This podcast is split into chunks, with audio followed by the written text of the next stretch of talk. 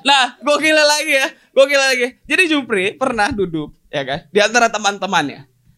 Terus kita kan biasa bermimpi ya. Kita anak muda biasa bermimpi.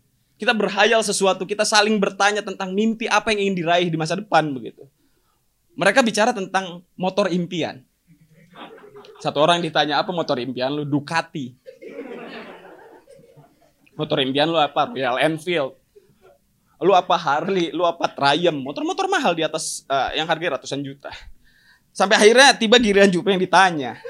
Lu mau motor apa? Jupri bingung. Nmax